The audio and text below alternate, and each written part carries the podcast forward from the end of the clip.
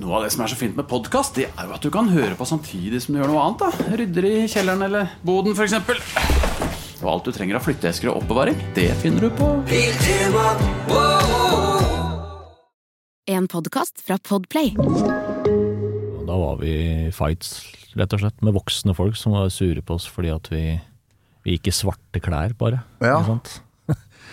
Så um, en litt skeiv nese i- ja, da, den det dag i dag.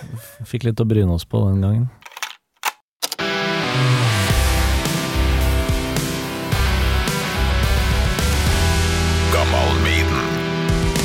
Lurer på om du må ha headset, altså. Må for jeg det? Ja, eh, for det kommer noen eh, snutter. Du kan jo velge å bare ha dem i nærheten. Ja, jeg liker helst ikke høre meg sjøl, skjønner du. Ja, sånn ja. Så Men da må vi ta en test, da. Om Ja. du eh, jeg hører hva du sier. for eksempel hører eh, det her. Du gjør det? Ja, du gjør det, ja. Ja. Jeg har fortsatt det- litt igjen Uh... Du har litt hørsel Jeg igjen. har det, skjønner du. Det blir bra, det. Ja. Skal vi bare kjøre på? Ja, bare kjør på det. Ta fram noen notater her. Bare sånn Du har ja, bare, Det er så lite at det må kunne godta. Nei, for det er jo et Ja, det er jo et stort emne, liksom. Så Ja, det er jo det. Ja. Det her kan bli langt, tror jeg. vi får se, da. med Torkil Thorsvik. Sven Atle Kopperud, hjertelig velkommen til Gammal Maiden. Takk for det. Du har jo veldig mange uh, artistnavn nå. Kan jo ta med dem i starten her. Uh, Silenos og Erkekjetter chilenos? var det liksom eh, bare i starten, eller? Ja, det var vel egentlig bare i starten, for å få litt sånn fornorskning av, av det greske ordet. Ja. Navnet chilenos. Da. Ja, for det er gresk hva, Hvem var chilenos igjen? Ja, Han var vel en eh, slags type skogsdemon med, med skakk nese, litt maga. Skakk nese? Ja. Og han var veldig glad i å feste og, og drikke, da. Måtte se på nesa di nå. Den, eh, Den har retta seg opp etter de siste årene. har den vært knekt, eller? ja, han har vært knekt, ja. Det. Var det sånn du fikk navnet? Nei, det var ikke det, men det- det var akkurat som jeg har morfa inn i den eh, figuren der, da, over uh, Ja, så bra. årenes løp. Hvordan var det nesabeinet? Nei, det var i en eh, lokal eh, kraft, lokale krafttak. En sånn bandfight, eller? Nei, det var ikke bandfight. Det var eh, Jeg kommer jo fra bygda, så eh, det hender at det gikk litt varmt for seg noen ganger. Dette var veldig Hvor gammel var du da? tidlig i tenåra, vel. Ja, ok. Ja. Ja. jeg kommer fra Kolvereid, så Ja. kjenner jeg til det. Ja. Hvor, eh, hva heter bygda du kommer fra? Nei, jeg kommer fra Nannestad, ja. Nannestad. Det tror jeg er mye større enn Kolvereid, da. Men eh, Ja, jeg vet ikke. desto flere fights. Ja, kanskje. Nei, 1500-2000 da, som bor eh, der jeg kommer fra. Ja, eh, Nannestad er nok betydelig større nå, men når jeg vokste opp, så var det vel en 7000-8000, kanskje. Ja. Bjørn Dæhlie-bygda. Eh, Nannestad, ikke det? Jo, stemmer. Ed Damnator òg. Ja. ja. Jeg har jo et um, potpurri som jeg har laga. Det har vært jævlig langt. Vet Ja. ikke om du liker å høre på litt sånne ting, for det er jo kløpt sammen, og da kan det jo bli litt sånn, ja. Men eh, Nei, det det går bra, det. Jeg bare kjør på. Nei, jeg må først eh, spørre hvordan du har det, for det, det Har det, har det veldig bra. Har det. Eh, Så får tida til å gå nå med å holde på med ny, eh, nytt materiale. Det går litt sånn opp og ned. Det er ikke en sånn av og på-bryter. Eh, du er, det, er det slags jubileum i år, eller var det Ja, i vi, fjor? vi feirer jo 30 år i åra. ja. August blir det da, for det var august 93 vi starta. Dimmu Borger. eh, Ja.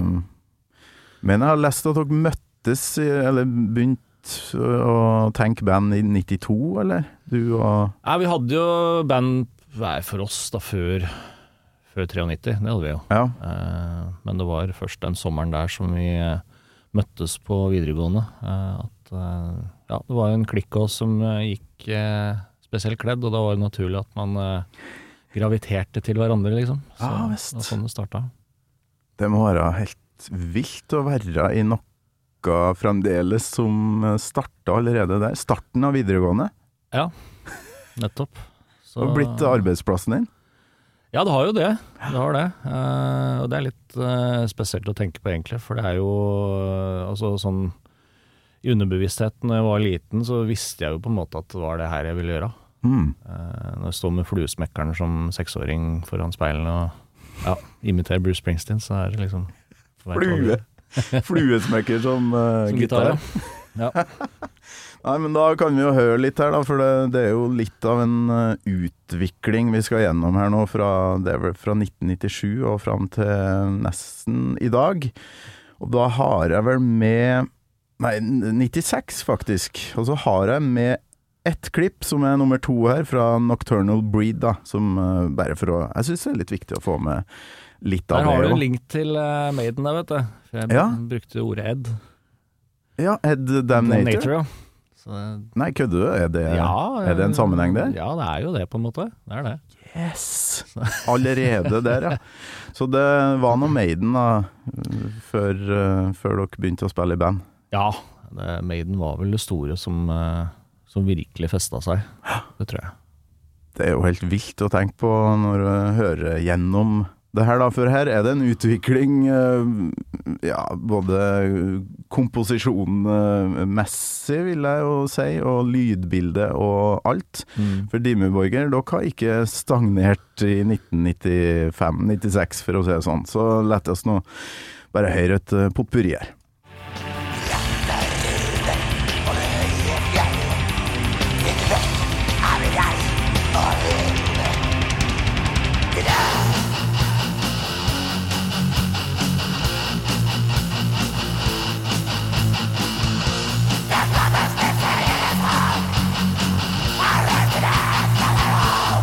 啊。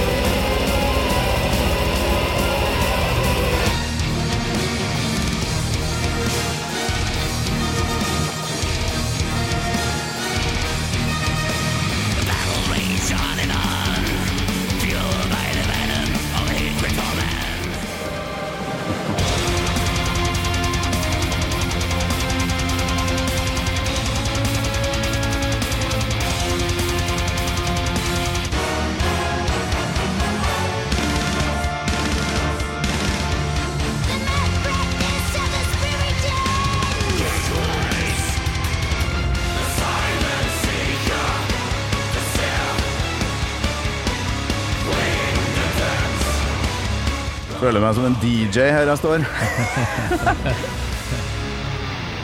ah, fy flate.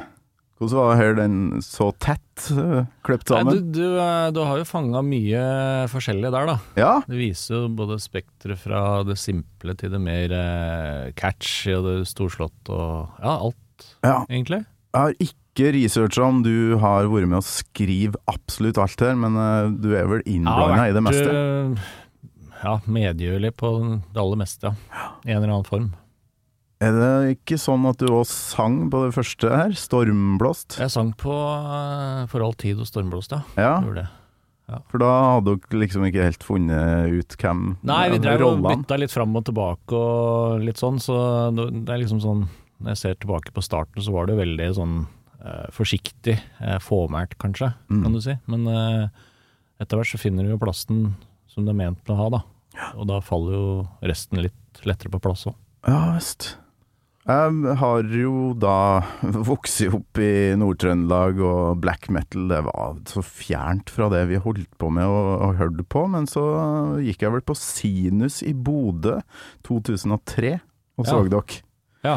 Det har skjedd noe siden, siden da, altså. ja, det har det jo. Eh, Fy flate. Sinus er jo ikke store bula, men Nei, veldig fint eh, lokale. Mye Var det 400-500 pers maks, eller? Ja, noe Noe sånt.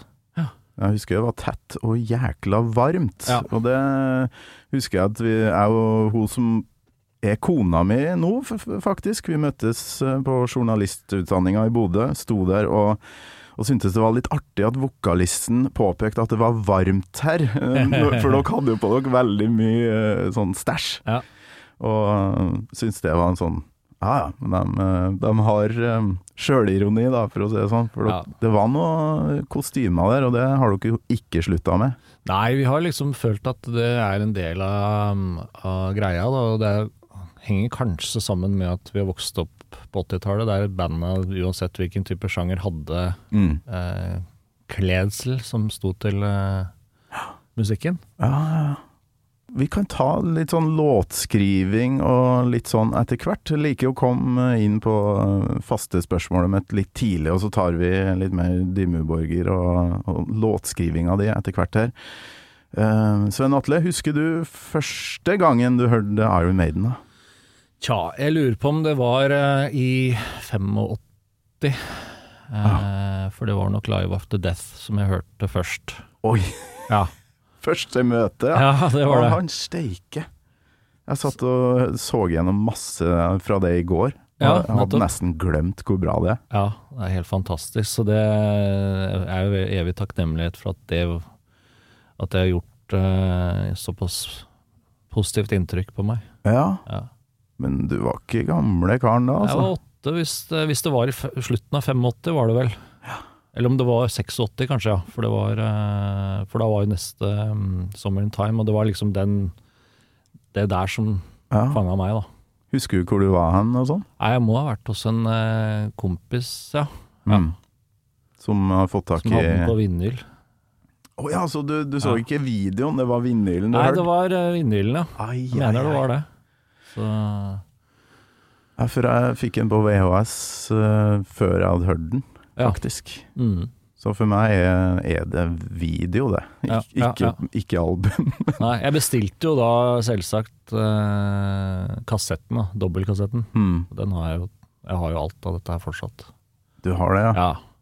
Kassettkofferten. ja. Kofferter. Kofferter, ja. ja. Jækla bra. Og da um, husker du hvordan du reagerte?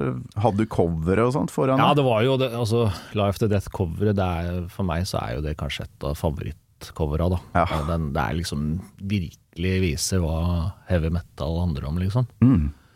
Så det var nok det som fanga meg, at det var blått, og det var ikke, var ikke så vanlig fargesammensetning, kanskje. Eh, men jeg tenkte jo ikke så mye over det den gangen, det var bare inntrykket, førsteinntrykket som fanga Mm. meg. Det må jo være bra, det her. Ja, men det der eh, har jeg tenkt på Nå har jeg jo laga noen episoder her.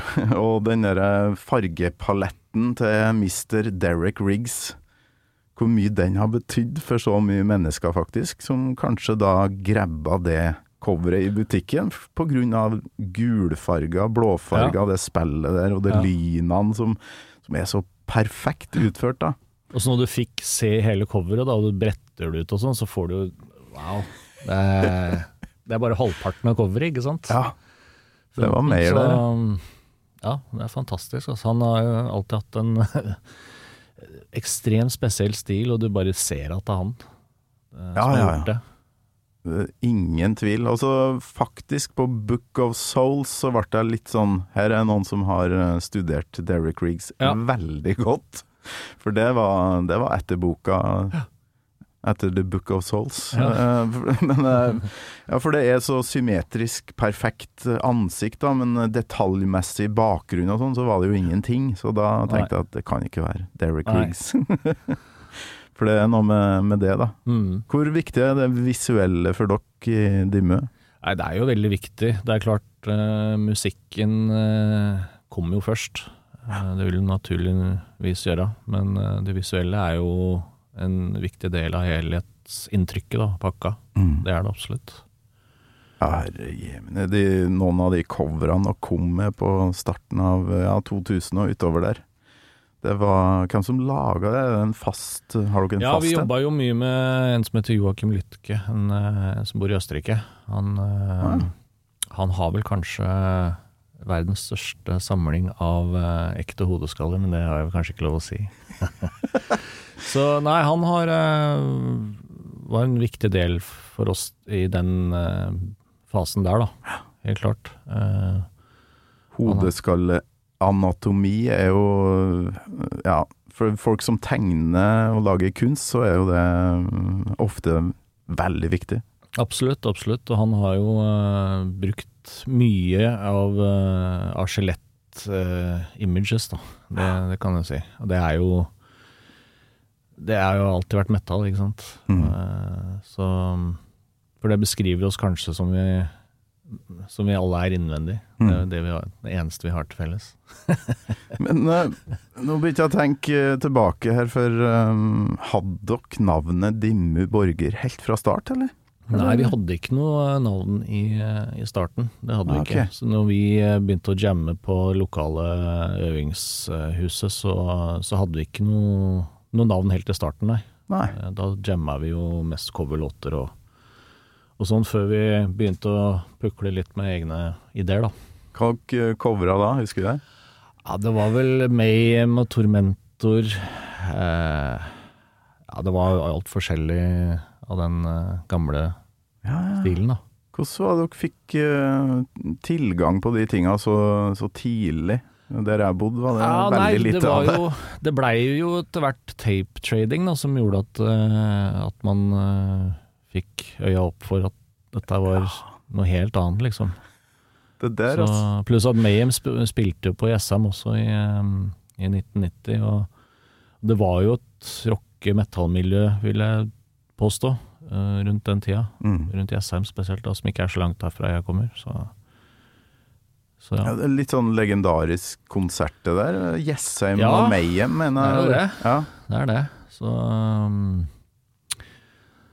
uh, Nei da, Jessheim har alltid vært liksom en slags knutepunkt, tror jeg, også for, uh, for musikk.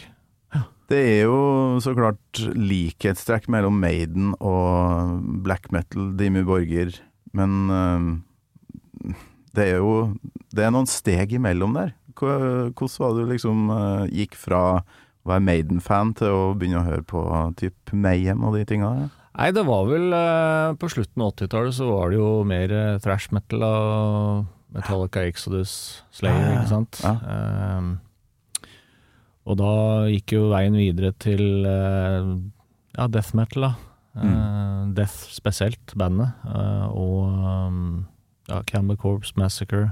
Mm. Eh, så de, de, det bandet jeg hadde før Dimmu, der spilte vi en god del death metal coverlåter. da.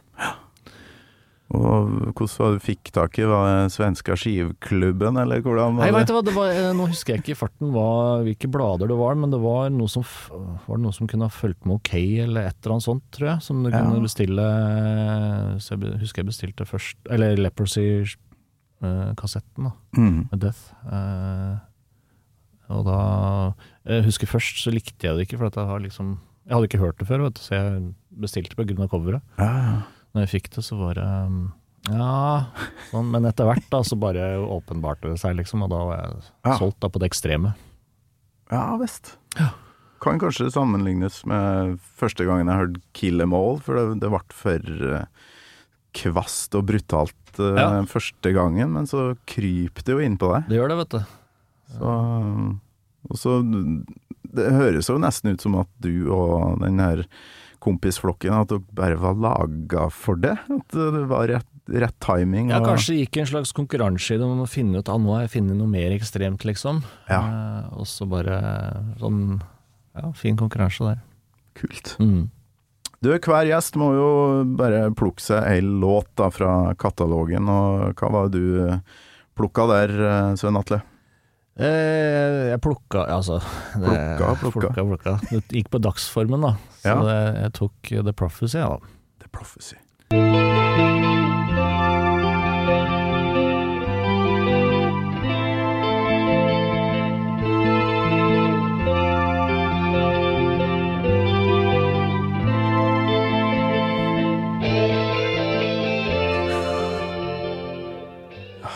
Hvor er du nå når du hører det her? Nei, da er jeg jo tilbake i 88, altså. Ja. Eh, Du hørte det med en gang det kom ut, og sprang til Ja, for det, det var jo uh, Can I Play With Madness-videoen som rullerte på TV. Uh, og da når, eh, når skiva ble sluppet, så var det å ta sykkelen rett til lokale matsjappa, som hadde kassettstand ved, ved disken. Ah, ok. Og dem hadde jo da faktisk eh, Den, De hadde den? ja, de hadde den. Blant annet flere bra kassettutvalg da. Eh, så den, jeg tror det var faktisk først samme uka som skiva kom ut òg, Wow. hvis jeg ikke tar feil. Og Sånn det, er jo, jo det er litt spesielt når du bor ute på landet og liksom Ja. Ja. Det var fotobutikken på Kolvereid som hadde noen kassetter Ja, og skjell. ja Skjellstasjon. selvsagt. selvsagt. Selvsagt. Så der raska vi med den, og så ja, skal jeg høre litt mer av åpninga, så må vi jo prate mer om den låta her.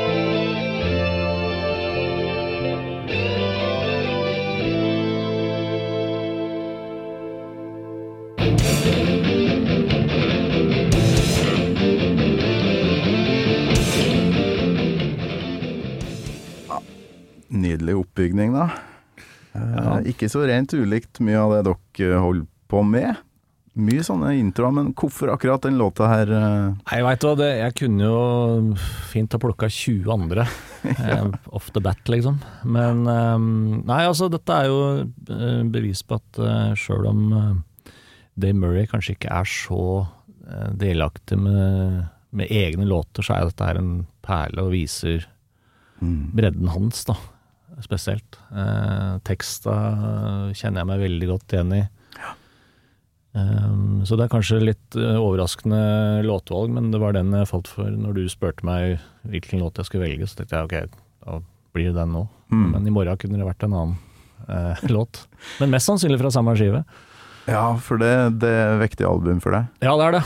Eh, det er den derre um, litt eteriske feelingen med, med coveret og, og, og tekstmessig så tror jeg det ligger meg nærmest. Mm. Hele skiva, rett og slett. Og stemningen eh, Jeg kunne like gjerne ha valgt tittelsporet eller um, Eller Infinite Dreams, for den saks skyld. Mm. Eh, det er kanskje en av favorittekstene mine, Infinite Dreams.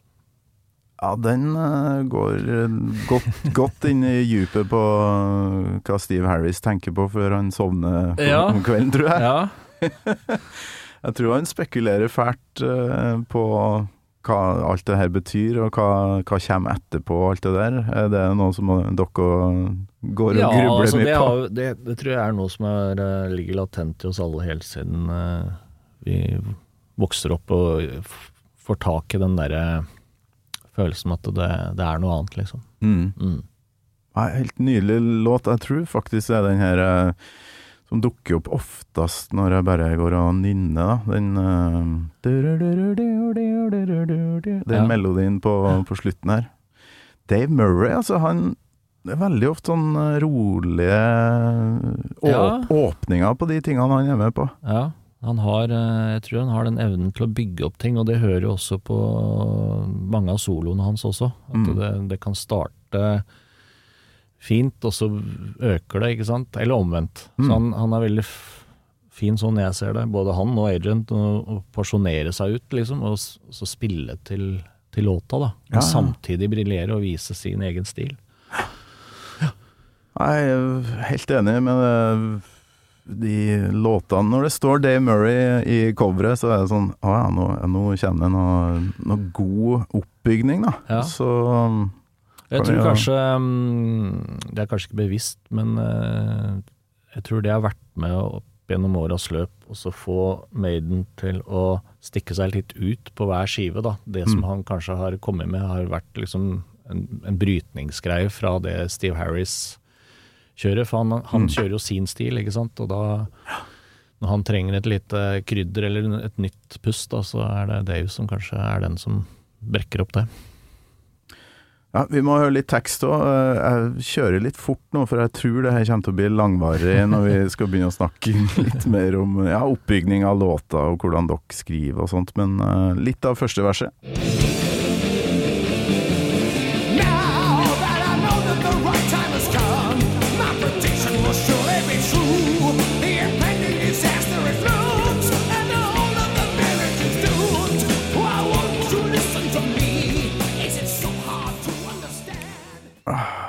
Du kjenner deg igjen i teksten, for det her er jo den sjuende sønn som er mm, klervoyant og ser eh, dommedag i, i heimbygda. Ja, ja.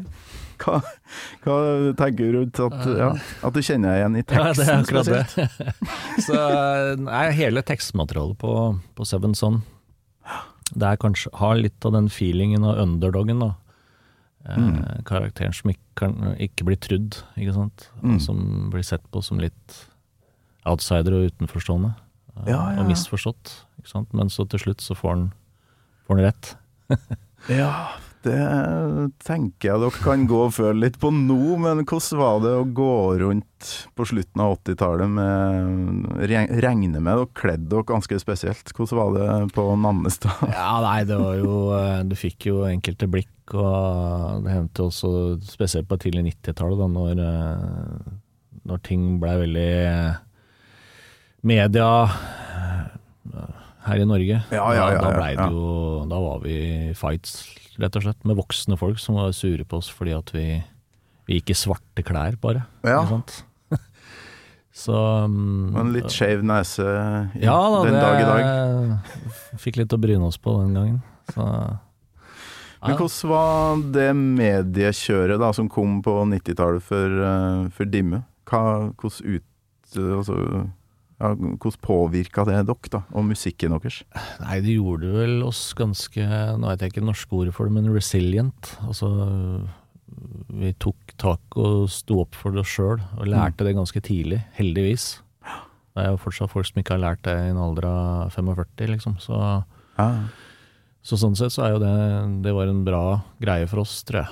Eh, og så klarte vi å fokusere på musikken og, og ja, fokusere på det kreative. Jeg har jo ikke fulgt med Jeg har jo sett eh, dokumentarer og lest noen bøker og sånt, men eh, kan ikke huske at noen av dere var borti de tinga der. Var det kun musikk og den eh, kampen der dere sto i? Ja, det var det. Så jo, kanskje det var fordi at vi er fra bygda, ikke sant. Og vi holdt oss for oss sjøl, og Mm. Vi øvde vel et par-tre ganger i uka til og med, så vi fikk tida til å gå, ikke sant. Så det var eh, Men fy faen, eh, det var samfunnsfiende nummer én i noen eh, måneder der. Ja, det var det. Absolutt. Så det, det er naturlig at folk reagerer, selvsagt. Så, men det å det å gå etter folk fordi at de går kledd en spesiell stil, det mm, Hadde det vært en dag i dag, så hadde det kanskje vært annerledes. Mm. Hadde jo vært enkelt å um, klippe av seg håret og kjøpe seg blåskjorte. og- Ja da, det, det hadde sikkert vært den enkle veien ut, men eh, sånn tenkte ikke vi.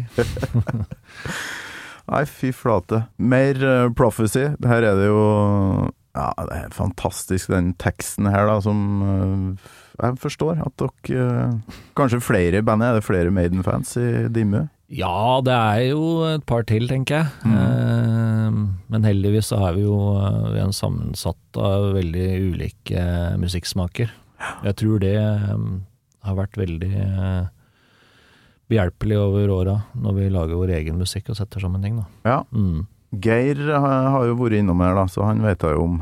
Ja. Eh, Gerlios, som eh, spiller keyboard og ja, hadde noen nydelige minner fra Nord-Norge, Ja. hans eh, oppvekst. Så den, eh, hvis du ikke har hørt den episoden, så må du ja, nei, den skal jeg høre på. Veldig artig. Det hender jo han kommer med historier fra når han var yngre, så Ja. Ja. I eh, band, bandbussen. Ja. Hvis, hvis dere holder på med sånt fremdeles, bandbuss. Ja, vi har jo det når det er europaturné Ja. Um, og USA-turné, men ellers er det mest eh, flyene, og så kjører Mm. vi utstyret vårt på bil. ja. Ja. Norge eh, Det er lange avstander i landet her. Men eh, ja, vi skulle høre mer Prophecy.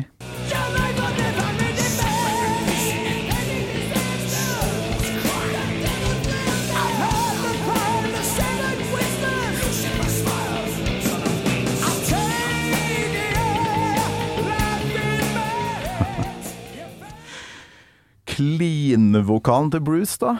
Mange som eh, liksom slo opp med den, eller eh, ikke liker det. Eh, Ja. Hvilket forhold har du til vokalen her? Nei, jeg syns eh, han er jo en eh, ekstremt bra vokalist til det han gjør. Mm. Eh, jeg syns han alltid har vært det. Um, Nå er jo, må jeg innrømme at jeg er ikke så kjent med de siste skivene. Eh, Brave New World, ja, men etter det så har jeg liksom ikke Jeg har jo hørt dem, og, men det blir eh, For meg så er det 80-tallet som gjelder, da. Mm. Mm. Nei, da jeg starta Gammal Maiden, så var det vel to av de nyeste jeg ikke har hørt. Ja, ja. Og det er Men- ikke noe å si at det er dårlig eller noe sånt, men det, det har liksom ikke fanga oppmerksomheten. Jeg har prøvd eh, flere ganger, og jeg hører jo det at det er veldig mange bra partier og, og enkeltlåter og sånne ting, men den helhetsfeelingen av, um, av albumet, den må jeg tilbake til 80-tallet for å kjenne igjen, ja. Ja, samme her. Men uh, ja, det er jo folk som uh, våger å ønske seg låter fra etter 2000, og det byr meg absolutt ikke imot. Det er skikkelig kult å dykke inn i det og høre hvordan folk eh, hvordan forhold folk har til det. Og så viser det seg at de har samme forhold til det som jeg har til eh, Power Slave og Ja, for hvis du tenker året 2000, da når um, Brave New World kom ut, og så Mm. tar du 23 år tilbake fra 2000, så er vi Ja. Ja. Det er, eh, Hvis du tenker sånn, har da, i perspektivet, så, så Brave New World jo, kan jo bli sett på som gammel Maiden i 2023. Absolutt. Og dere, eh, ja, første albumet deres da, 96, nei 5? Den kom, kom jo ut i 95, ja. Det gjorde det, men eh, det skulle vel ha vært ute i 94, men eh, så ble det 95, og så kom, kom jo da Stormblåst etterpå. Så det, de kom jo ganske tett, da, på en måte. Vet ikke om du snakker mye med fansen når dere er ute og reiser, men eh, vet du om det er noen som kanskje ikke liker det første, men elsker det, noe av det siste dere har lagd? Ja, vi er såpass heldige å ha fans som, eh, som liker det første, men kommer og ser oss spiller nå. Ja. Og fans som liker det, det yngre materialet, og, Ja, og noen som da liker hele katalogen. mm. Så sånn sett så har vi vært veldig heldige. Vi har jo kanskje flere generasjoner fans òg, begynner å bli, og da tenker man jo på at man er litt oppe i åra. ja. Men òg privilegert, da. Ja, absolutt. Uh, Men jeg tenker eh, det er resultat av uh, Lett oss nå bare være ærlig, jævlig hardt arbeid. Det er jeg vil, Vet hva, jeg, jeg vil ikke kalle det hardt arbeid, men det er mye oppofring. Eh, Fordi eh, du må ofre ting som de fleste andre tar for gitt. Altså familie, venner. Og, eh, og jeg tror det har funka for oss fordi at vi aldri har hatt noen plan B. Mm. Så vi har gått all in.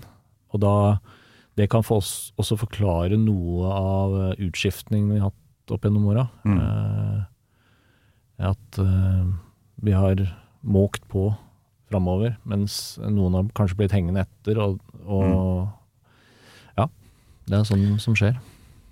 Ja, det skal jo godt gjøres å finne fem-seks mennesker som har um, akkurat like mye energi og um, inspirasjon til å holde på med det så Ja. lenge, da. Ja, og så er det jo noe med at du har jo to-tre da, som kanskje starter en, et band, og dem har jo eierskap til det fra dag én. Mm. Mens da, hvis du får utskiftninger over tid, og da kommer nye inn, så vil jo de naturligvis nok ikke ha samme type eierskap heller. Mm. Og det må jo på en måte også gå en slags prøveperiode, ikke sant. Og så kanskje det ikke er sånn de forventer at det er, eller håper at det er. Og ja, det er mange, mange årsaker. Så det er utrolig mye timing sånn i samfunnet da, som må være på plass for at ting eh, skal funke. Type Maiden da, på 90-tallet, de hadde jo en sånn ordentlig, kanskje kjip periode, men kanskje òg bra. Og så få en sånn ordentlig Ok, vi bytter ut vokalisten, eh, spiller for eh, 1000 stykker istedenfor 20 000 stykker. Ja. Men så kommer de tilbake igjen, fordi, fordi de aldri ga seg. da. Ja. Har dere hatt en sånn eh, ordentlig tung eh, periode, Dag? Nei, jeg tror egentlig ikke det. Eh, ikke, på, ikke så kraftig. Eh, for vi er, har jo aldri kommet til det nivået uansett. Altså, ja, vi spiller for alt fra 1000 til 3000, og vi spiller egne headline-konserter på turné. Mm. Men uh, heldigvis har det ikke vært noen sånne dype daler, da. Så jeg vet ikke om du var på konserten på Sentrum når uh, My Dying Bride var forband til Maiden? Eh, nei, nei. For jeg, det er den eneste gangen jeg har sett at Maiden har blitt grusa av et forband. Og et, et doomband i den uh, Ja, for det var Blaze uh, Ja, 1998. det var 95, tror jeg. Og det var så tidlig, Eller ja. 5 eller 96. Ah, Ok. Grusa av Ja, jeg, jeg satt igjen med den filen at uh, nesten jeg følte um, Uff, jeg syns synd på dem, liksom. Ja. Så der var du. Ja. Um, Og det er ikke på noen måte å si at det var dårlig. Det var Nei, bare nei. at det var um, My Dying Bride hadde jo på, skikkelig på vei opp på den tida. Ja. Um, så, men det viser jo også kanskje at Maiden har aldri vært det bandet som er redd for å ta med uansett hvilke forband. mm. Fordi de har alltid vært så trygge på, på seg sjøl, da. Ja, ja, ja. Og det, det jeg setter pris på med, med store artister som ikke da setter begrensninger for forbandene sine, ikke sant? og bare har den selvtilliten og Mm. at eh, vi er ikke redd for at noen skal kjøre over oss. Samme med Slayer, ikke sant. Ja. Du kan ta med hvem som helst forband. ja. Så du har vært på en del konserter da med, med Maiden opp igjennom, eller? Ja, det har jo blitt noen. Eh, Vi har jo spilt et par festivaler med dem, og det var vel i når vi var i Australia 2011 på Soundwave, så fikk jeg jo stå på på stage right eh, Mm. og titte, sjøl om vi egentlig ikke hadde lov til det. Men eh, tur, en, en kjent turmanager vi traff der, som vi har brukt før, han eh, ja, 'kom her, bli med meg, så skal vi gå opp der'. Og gikk forbi securityen på scenen og, mens de spilte, da. Og det Mm. var jo ja, artig å se dem fra den vinkelen òg. Ja, fy flate. Ja, jeg vet ikke om det i det øyeblikket sønk litt inn, altså ringene slutta på et vis. Ja, det, det kan du godt si. Eh, for det har jo vært en såpass stor inspirasjonskilde. Eh, på Godless Savage Garden så har vi en låt som heter Moonshile Domain. Oh, ja. det, det, ordet moonshile er jo direkte tatt fra, ja. fra Seven Sun, Ja. men vi måtte ha et annet eh, ord i det. Og det var jo også på den tida som vi spilte en god del festivaler i Europa, 97-98. Um, og da gikk det jo, begynte det å gå rykter om at uh, Bruce sjøl hadde uh, uh, funnet denne mini-CD-en og likte musikken og Ah. til og med kalte seg sjøl fan. Så vi endte jo opp med å spille med, med solobandet til Bruce i 97 i Østerrike, var det vel. Ja. Og Yes. så han må jo ha skjønt at uh, hvor har han fått Moonchild fra, liksom. Det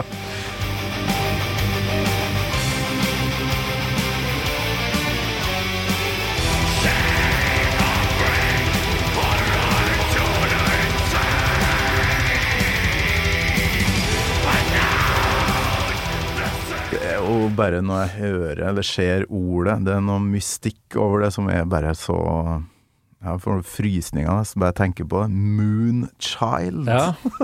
Det er, det er ett Måne og barn. enkelt ord, ikke sant, og så får du bilder med en gang. Det er jo det som er det fine med, med lyrikken, spesielt i metal eh, generelt kanskje, men eh, også Maiden. da. De har eh, det, det visuelle og det pictureske på plass når det gjelder Mm. tekstene. Det er noe med månen, altså. Jeg vet jo folk rundt meg, de går hjem fra jobb. Det er fullmåne, klar himmel, og de tar det bare for Den er der bare. Mm. Men når, hver gang jeg ser månen, så er det et eller annet Shit! Faen, så fin den er, og så Ja, altså alt med månen. Hvor viktig den har vært for jordkloden. eh, Alt det der. Bare synke inn. Ja. Det, det er jeg glad for at jeg har den evnen. da. Absolutt. Hva tenker du når du ser månen? Jeg er Liksom? helt enig. Det, du kjenner at det klør i hjørnetenna. ja. Varulvgenene begynner å riste Ja. litt på seg. ja. Du, det er jo folk som har dissekert den her Prophecy-låta, det har kanskje du òg. Vi må høre litt mer fra den, og så er det jo en fyr på YouTube da som eh, vi må høre på etter det.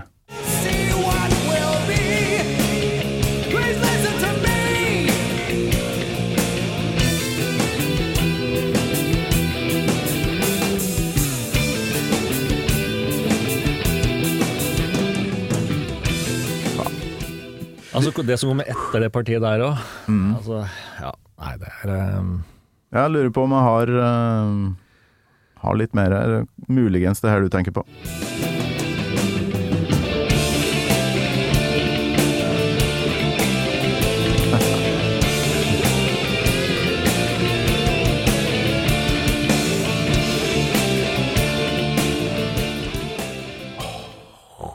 Dere liker du. Gjør det. Jeg sucker for melodies.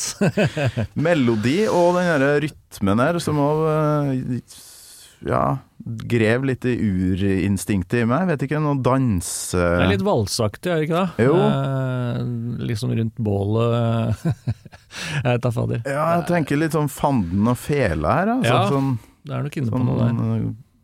ja, noe keltisk eller et eller annet som jeg tror Dave Murray har uh, lefla med før. Det har du nok mest Da, eh, da, da, sannsynlig da, rett da, ja. Den, eh, den driver han med ganske ofte. Men jeg, jeg er jo litt nerd på lørdagsnetteren, som regel i to-tre-tida. Da finner jeg fram sånne her ting. En fyr som heter Dog Helvering, som eh, amerikansk eller kanadisk, som komponist, og så sitter han og hører gjennom metall han aldri har hørt før, og så er det Reacts to, da. Og det Ja. er et lite klipp fra når han hører på Prophecy. Mhm. Now that they see the disaster is done, they put all the blame on me. Okay. There's that. There's that move to E minor again in the middle of the verse. I want to back this up a little bit more. So they um, uh, they do this verse uh, that has two different keys in it. Uh, good on ya, Iron Maiden. They start in D, they go up to E minor, and then somehow they get to E flat minor, uh, which I gotta figure out. That was really cool. Ja, det er de her overgangene, akkordrekkene her, som han ikke helt forstår, da. Men for meg så høres det helt naturlig ut. Helt, uh, helt klart. Um, og det, det er vel det musikk egentlig bør handle om, at eh, det som er på papiret, det kan du liksom ikke gjøre. Eh, så lenge det låter bra, og det Altså, det skal ikke låte falskt, eller det skal ikke låte feil på den måten, men mm. utover det så syns jeg ikke det skal være noen begrensninger på ting. Det var jo eh, Jeg vet ikke om det stemmer, men det var jo et rykte om at basspassasjen i er det Rhyme of the Ancient Mariner dun, dun, dun, dun, dun, dun, At Steve Harris fikk beskjed om at nei, du kan ikke spille det, for det er musikalsk feil. Men hvor står det at det er musikalsk feil? Ja. Det er jo den stemningen. Er det ikke bare en treklang En Jo, spiller? det er jo veldig simpelt. Men stemningen med det, eh, pluss Ja, sånn. lydeffekten bak, selvsagt, men uh, ja. så folk som sier at eh, sånn skal du ikke gjøre. Uh, sånn Ja. hvis noen tenker, sier sånn til meg, da blir jeg sånn at da skal jeg i hvert fall gjøre det. Ja har ikke Dimmu Borge vært litt sånn hele veien? Jo. Uh, og det her har jeg jo egentlig funnet ut litt gjennom Gammal Maiden, for nå har jeg hatt uh, noen gjester fra black metal-sjangeren, så det virker som det er mye motstand fra egne rekker innimellom, at det er nesten litt dogmatisk. Um, men det, det der har ikke dere brydd dere om, eller hva? Nei, jeg tror det om noe så har det vel kanskje bare vært bensin på bålet for oss, egentlig. så jeg har tenkt som så at um, hvis folk prater nok om noe, uh, om det så er negativt, så vil noen andre plukke opp det. Mm. Og, og grave i det for å finne ut sjøl om stemmer dette, liksom. Eh, Mm. Jeg tror det har vært litt sånn. Eh, så eh, jeg takker og bukker for alle de som pra- prater negativt om bandnavnet, for det er noen som vil plukke det opp der ute, Ja, og vil like det. Ja. Mm. Men treffes dere ikke sånn backstage på festivaler og sånt? Bare hva faen det du driver og snakker om bandet mitt? Og det, lager bare den musikken jeg elsker. Jeg tenker som så at i de, i de fleste tilfeller så er det jo um, det er kritikk fra folk som i det hele tatt kanskje ikke har vært på en scene, og som uh, ikke har muligheten noen gang til å komme på en scene, og det, Mm. det er på en måte liksom Det er nok å tenke sånn. Da preller det ganske fort Ja, det av. gjør det. Men uh, ja, artig med sånne komponister da, som egentlig holder på med klassisk. Og jeg fant en fyr eh, på vei hjem fra korøving i går. Jeg sang i kor. Eh, mannskor. Og så mm, satt jeg på banen, og så fant jeg noe som heter Key of Gibbs. En fyr som heter Del Barrio, som bor på Hawaii, av alle plasser. Så langt unna den norske, mørke, dunkle vinteren som Da bor han jo der som Dave bor, da. ja, Bor for, ikke han på Hawaii? ja, kanskje det, ja. De er glad i sydlige Ja. strøk. eh, Noen av Blir brun Maiden-gutta. i huden. Ja visst. Ja, der sett en fyr og sier aloha, og, og hører på Dime Borger eh, for første gang. Han er komponist, han her òg, og det, det her var jævlig artig. Det, så tenkte jeg herre skal jeg klippe ut når jeg kommer på jobb i morgen, og det har jeg gjort, det.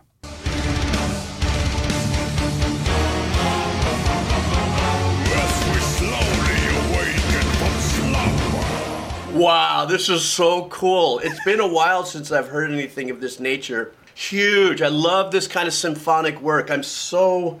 It pulls me in a different direction.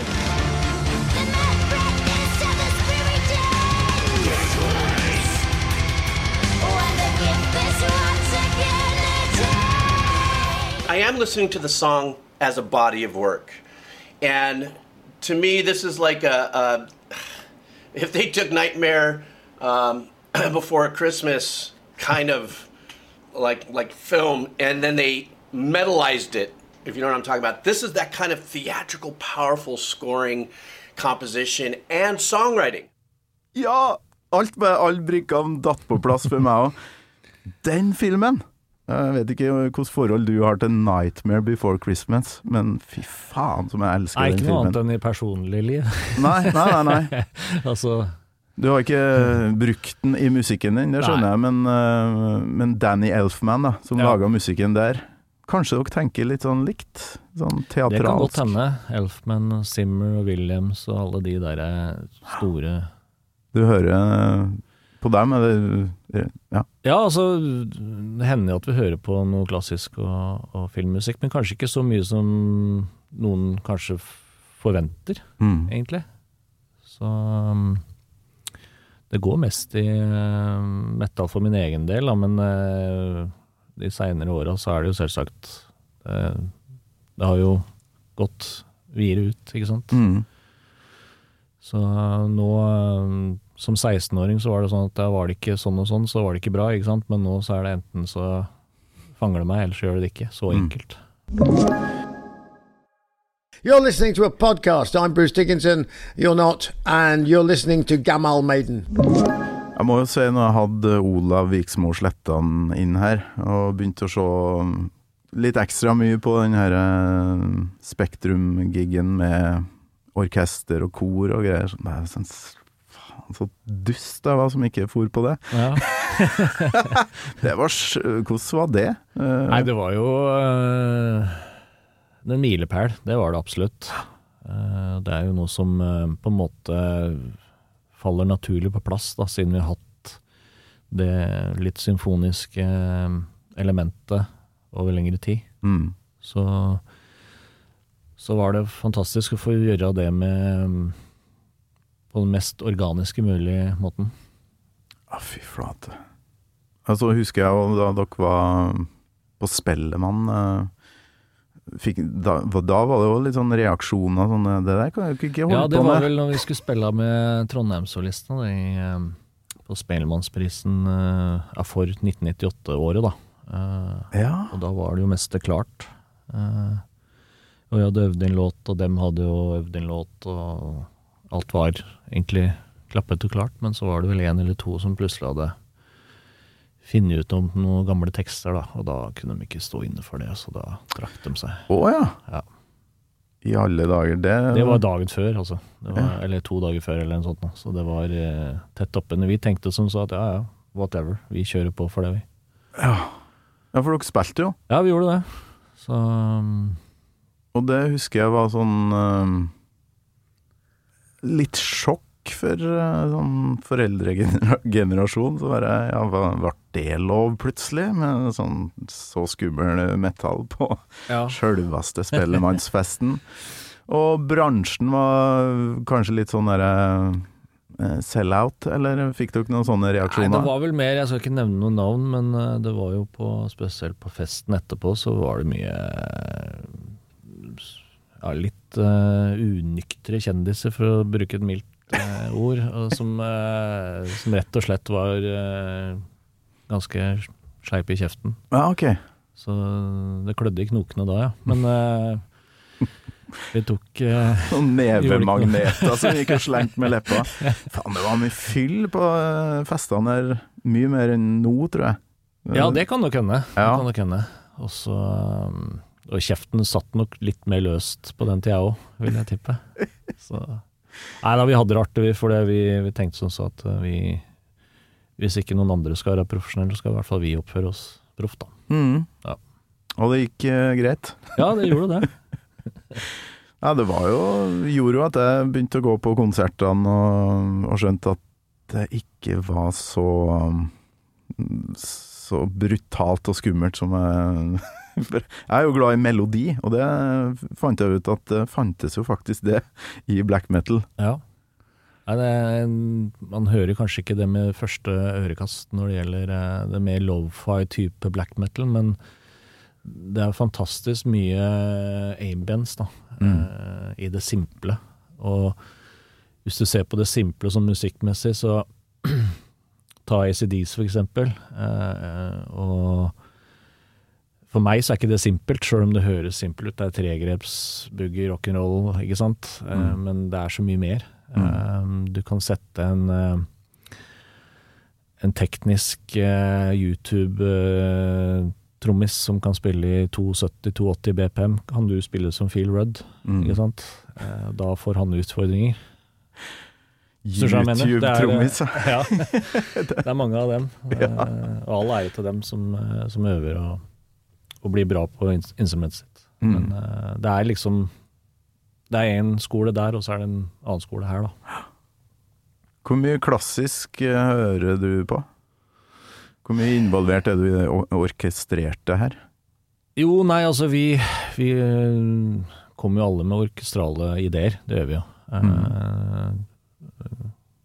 Geir Geirlios, naturlig nok, er jo keyboardist, så han utbroderer jo eh, de tinga som vi kommer med ideer med selv, for vi er jo liksom litt mer sånn enfingersynt og litt sånn, men jeg vil ha det dit, jeg vil ha det dit, og så kan du Så det, det fungerer veldig bra, altså. Så digg. Og så sånn- må vi jo da, hvis vi skal ha en veldig stor orkestral part, da, så hender det at vi må um, involvere Gaute Storås, da, som har vært med oss før og transkribert ned til noter, da. Mm. Mm. Det har en helt vanvittig effekt. Jeg er utrolig glad i filmmusikk sjøl. Og det var vel jeg satt og kløpte eh, episoden med Olav Viksmo Slettan, som har blitt noen kompis for dere, har jeg skjønt. Ja. ja. Når han snakker om sitt første sånn eh, sjokkmøte med Dimmy Borger, åpningslåta på In Sorte Diaboli, er det Ja. det heter? Um, og jeg satt og, ja, Her må jeg jo legge inn et kløpp, sånn at jeg får vist hvor eh, heftig det her kan være. da. Og så kommer vi jo til den krysninga mellom eh, klassisk eh, åpninga og når blastbeaten er i gang der. Mm. Å, fy faen, da fikk jeg Da var jeg Olav inni den bilen, da, for han snakker jo om at han kjører bil og har det på full guffe, da. Nei, helt, helt rått.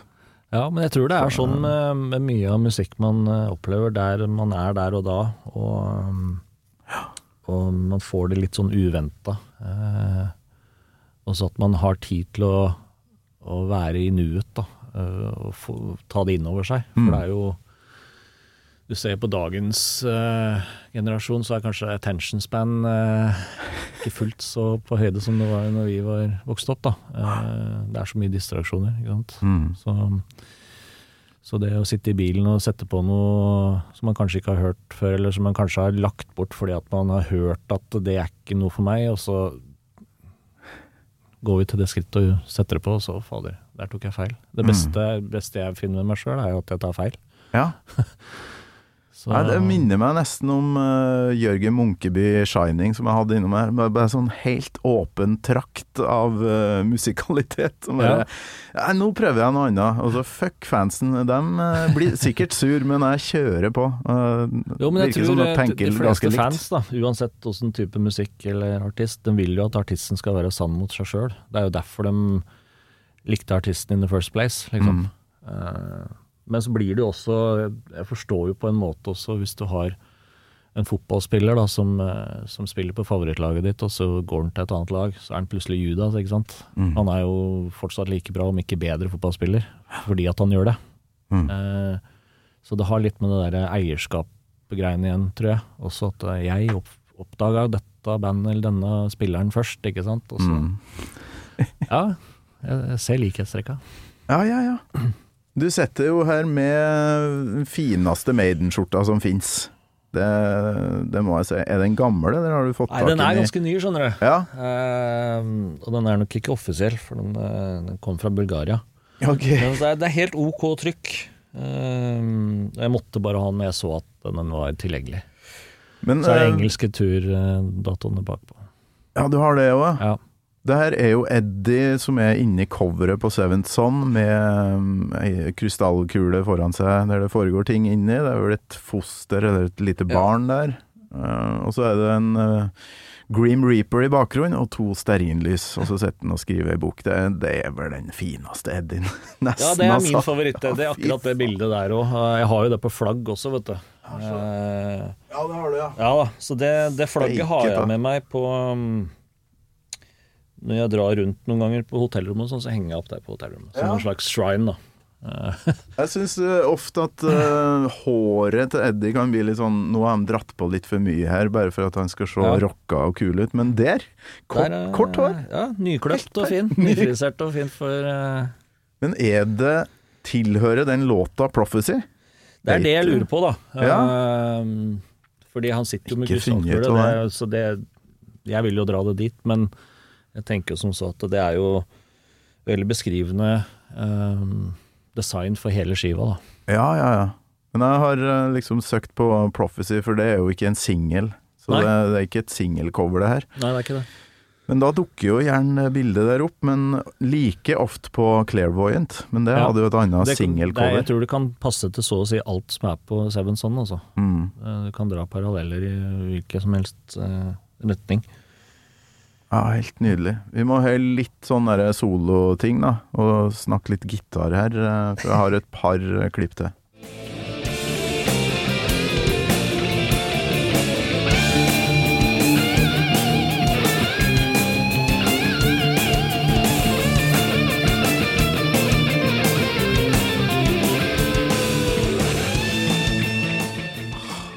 Hvem var det? Dave? Som var førsten? Ja, jeg tror det. Ja. Jeg tror det. Uh... ja. De overgangene her, altså.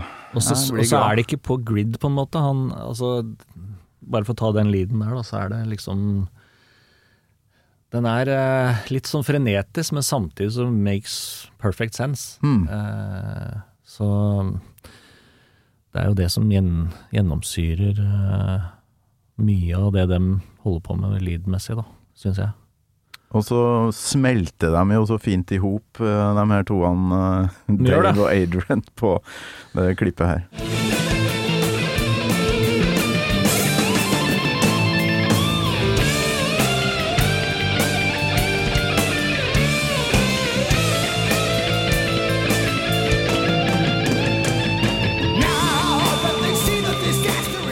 Altså sola inn i vers, det syns jeg Ja. Veldig ofte eh, han eh, nailer. Absolutt, absolutt. Nei, jeg har alltid hatt veldig sansen for de, eh, de to, og ja, Tipton og Downing i Priest òg. Det er liksom De fire gutta der, dem er litt mest inspirasjon. Nå er ikke jeg noen Leeds-spiller sjøl, men jeg, jeg klarer å høre når, når det er noe som er bra, så fanger meg, liksom. Mm. Mm.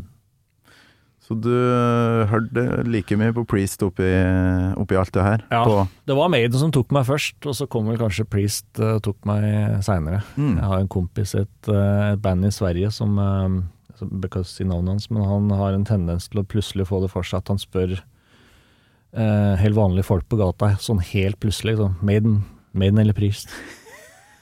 Han, er, han heller jo til Priest, så hvis de sier Maiden, så får de tirade? Ja. Helt, helt ukjente folk. Priest versus Maiden er jo en egen uh, podkast i Bergen. Uh, to, Ja, okay. to stykker som sitter og diskuterer. Ja, nettopp. Ja, for det der er jo alltid vært en sånn krig. eh, Ja. På et vis, da. Det er jo bare, det er jo bare artig. Ja. Er Jeg tror det er vi som eh, ikke behøver å ta stilling til det ene eller det andre. Vi, ikke at dem gjør det, men det, vi får mer ut av det. Ja. Um, nærmer seg avslutning på, på låta her.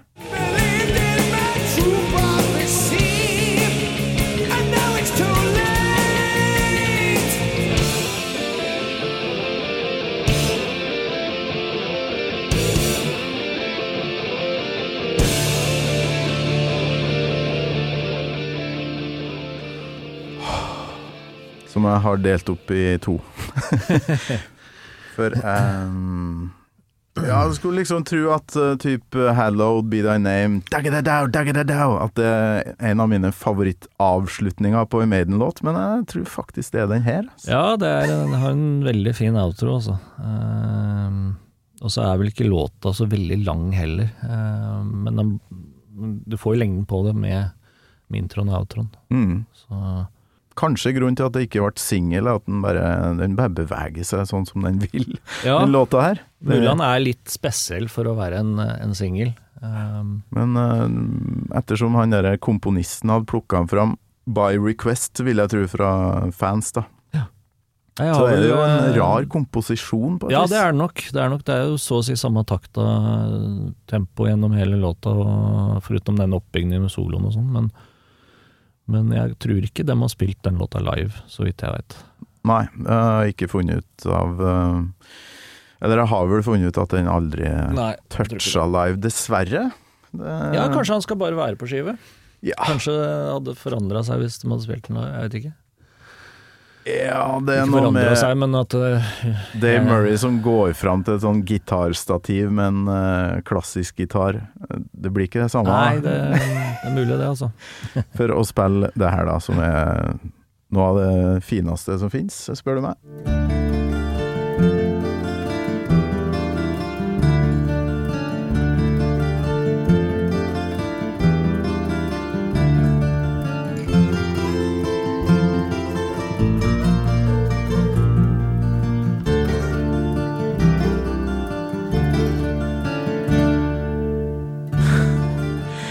Hva er det som tar seg av bassinga her? Er det noe akustisk bass, tror du? Eh, Jeg veit er det har jeg ikke tenkt på. Nei. Eh, Jeg har alltid tenkt at det er bassstrengen eller E-strengen på gitaren, men det er jo mye Ja, det kan Djupere enn det er Vet eh. Jeg har bare Det- sett for meg en engelsk landsbygd hver gang jeg hører outroen der. Ja. Sitter ute i en grønn eng. Ja, det er et eller annet veldig britisk eh, med det. Ja, steinjern og litt grått i horisonten. Sånn type trubadur som er på tavernaen og, og forteller god historie. Ja, The Prophecy Inn. Ja. The Prophecy Inn, og der sitter noen folk med sånne ølkrus, forma som tønner, så klart, og hører på. Jeg hadde jo en eh, folkemusiker innom her, Anders Røyne, som er helt rå på munnharp. Og så hadde han en sånn langeleik som var modifisert og styra på. Og han uh, spilte jo uh, det han kalte Snåsamann, men uh, for å lage en slags quiz til meg, hvilken låt er det her? På Langeleik, da. Og det ja, Det var jo helt nydelig. Hør på her.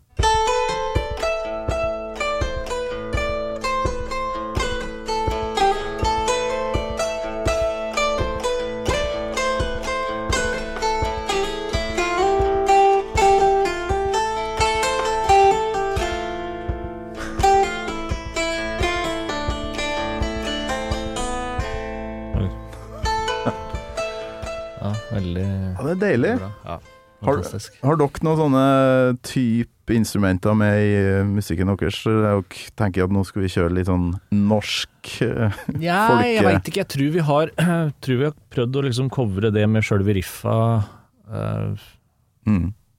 i seg sjøl, ja. Uh, vi har mye av det, spesielt på de tidligere skivene kanskje, så har vi mye Litt sånne norske, skandinaviske toner, og det var jo Jeg husker han Fredrik Nordstrøm som var produsent, medprodusent på Det var på Puritanical han først nevnte det, at fader, dere har jo mye sånne svenske toner eh, begravd i musikken, liksom.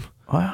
For han hører jo det når vi starter med trommer og gitarer, så er det lettere å høre Mm. når det er så nakent før, før resten kommer på. Og da, han tok seg sjøl og liksom Ja, men faen, jeg hører jo masse svensk i musikken deres òg, liksom. Så, ja. oh, kult. Ja. Ikke bare svensk, men uh, grisa sa Olav da han var her. ja.